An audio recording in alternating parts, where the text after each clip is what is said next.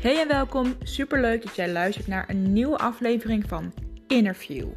Interview is de podcast die jou helpt om bij jezelf naar binnen te gaan kijken. Wie ben je nou diep van binnen? Waar liggen jouw verlangens en hoe kan jij het contact met je innerlijke kind versterken? Waarom dat van belang is? Luister mee. Leuk dat je luistert. Dit is aflevering 41 alweer. En in deze aflevering wil ik je eigenlijk meenemen in het stukje vrouwelijkheid, innerlijke kracht. En daarmee de connectie maken met jouw innerlijke kind. En het is een ontzettend boeiende reis, omdat het zo met elkaar verweven is. En tegelijkertijd ook losstaande dingen van elkaar zijn. Want vrouw zijn is iets wat we bijna allemaal dragen. En met bijna allemaal bedoel ik jullie die deze podcast luisteren. En het is een bron van intuïtie. Vrouw zijn is een bron van empathie. En vrouw zijn is vaak ook een bron van zorgzaamheid. Maar juist in dat hele drukke leven dat we vaak allemaal leiden, raken we soms het contact met dat vrouw zijn en met die vrouwelijkheid kwijt. Waardoor we verhard zijn, waardoor we niet meer durven vertrouwen op onze intuïtie, waardoor we zo empathisch worden dat het ons gaat overspoelen en het dus meer over compassie met een ander gaat plaats van compassie met jezelf hebben. En daar komt een stukje innerlijke kracht bij kijken. En we hebben vast allemaal wel eens gehoord van het woord innerlijke kracht. Maar hoe zit dat dan in relatie tot de vrouwelijke innerlijke kracht? Het gaat dan over in contact staan met jouw gevoelens, over in contact staan met je intuïtie, over het vermogen om je te verbinden en te koesteren. Het is als een innerlijk kompas eigenlijk, je kunt het zien als een kompas, dat ons leidt in tijden waarin we onzeker zijn. Dat dat de leiding heeft wanneer wij zoekende zijn, wanneer we op zoek zijn naar antwoorden, op zoek zijn naar een bepaald gevoel. En daarin zit, zit er heel veel innerlijke kracht. Deze kracht is als een vuur in je hart dat nooit uitdooft. Het is dat stukje, ik geef niet op, ik ga door, nog één stapje verder. Het is de vastberadenheid om obstakels te overwinnen. Maar het is wel iets waar je aan moet blijven werken. Want wanneer jij denkt, oh het zit wel goed, mijn, in, mijn innerlijke kracht en mijn vrouwelijke kracht zijn wel oké en je gaat erbij achterover leunen, dan ga je het uiteindelijk meer loslaten. Het is net als met sporten. Wanneer je begint met sporten, moet je je spieren opbouwen. Daarna ga je het onderhouden. En wanneer jij een maand niet naar de sportschool gaat, is een keer daarna het tillen van 80 kilo, wat je vorige keer misschien met gemak deed, opeens heel zwaar of ingewikkelder. En zo zit het ook met dat stukje vastberadenheid, met dat stukje niet opgeven, met dat stukje innerlijke kracht en, dat, en de vrouwelijke kracht. En daar zit dat innerlijke kind heel erg aan verbonden. Want dat innerlijke kind herinnert ons eraan om te spelen, om te lachen, om van momenten te genieten. Ze is creatief, ze is nieuwsgierig.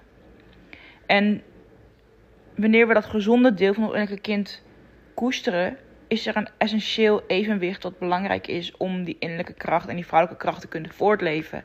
Maar wanneer we juist dat kind uit het oog verliezen of dat kind niet geheeld hebben, waardoor we vooral handelen uit oude pijnen, uit pijnen uit onze jeugd, is er geen balans, is er dus ook geen evenwichtig leven en zal die innerlijke kracht en die vastberadenheid, ik geef niet op mentaliteit, meer iets zijn vanuit trauma dan vanuit vastberadenheid, van, vanuit, vanuit je mentaliteit, vanuit plezier en liefde en compassie.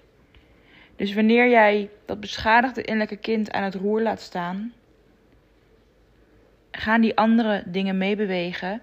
Waardoor jij je niet meer in balans voelt. Waardoor jij je niet meer gezien voelt. Waardoor jij je niet meer belangrijk voelt. Maar zie mij eens heel hard rennen. En ik doe toch alles voor een ander. Maar ze zien het niet. Omdat je het vanuit de verkeerde intenties doet. Omdat je het doet vanuit beschadiging. In plaats van uit plezier, creativiteit, nieuwsgierigheid.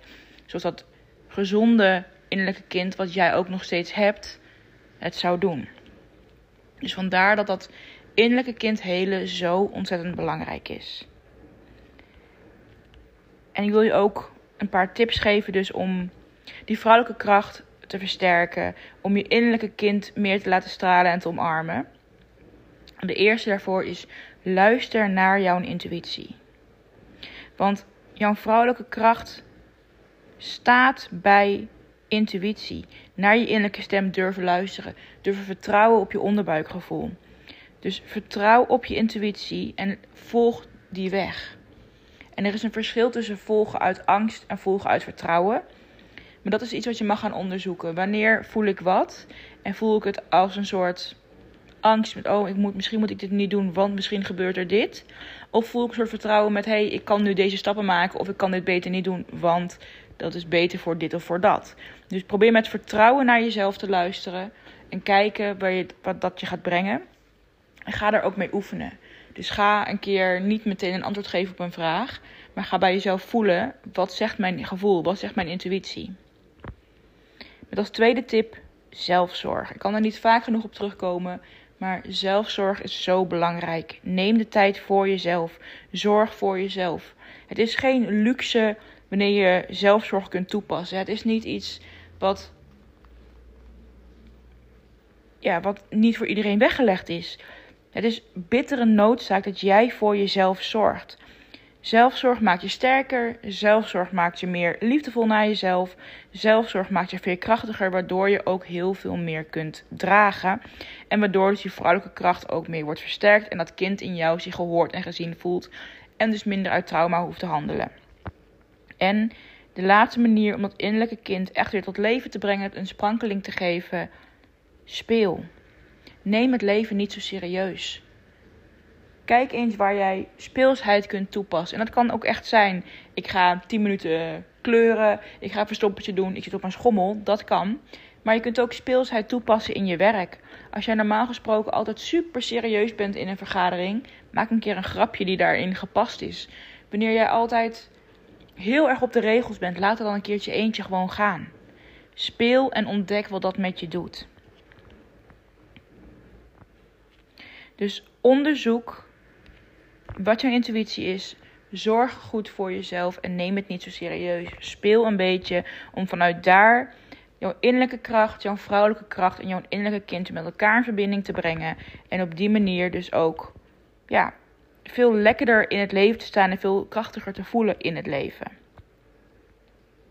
En door in die kracht te gaan staan, ga je het leven ook veel meer als plezier beleven zal je dingen meer met een, met een fijn gevoel benaderen. In plaats van denken: oh nee, ik moet weer dit. En hoe kan ik nou dit voor elkaar krijgen? Of het lukt me toch niet. Ze vinden me toch niet belangrijk. Ga hiermee oefenen. En ik wil je vragen of jij jouw ervaringen uit jouw ontdekkingsreis met mij wilt delen.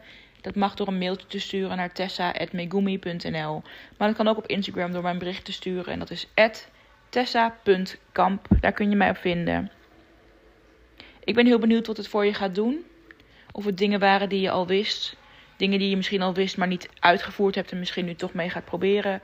Of dat het helemaal nieuw voor je is. Dat dit zo met elkaar in verbinding staat en hoe belangrijk dit is. Ik wil in ieder geval bedanken voor het luisteren en hopelijk tot de volgende aflevering.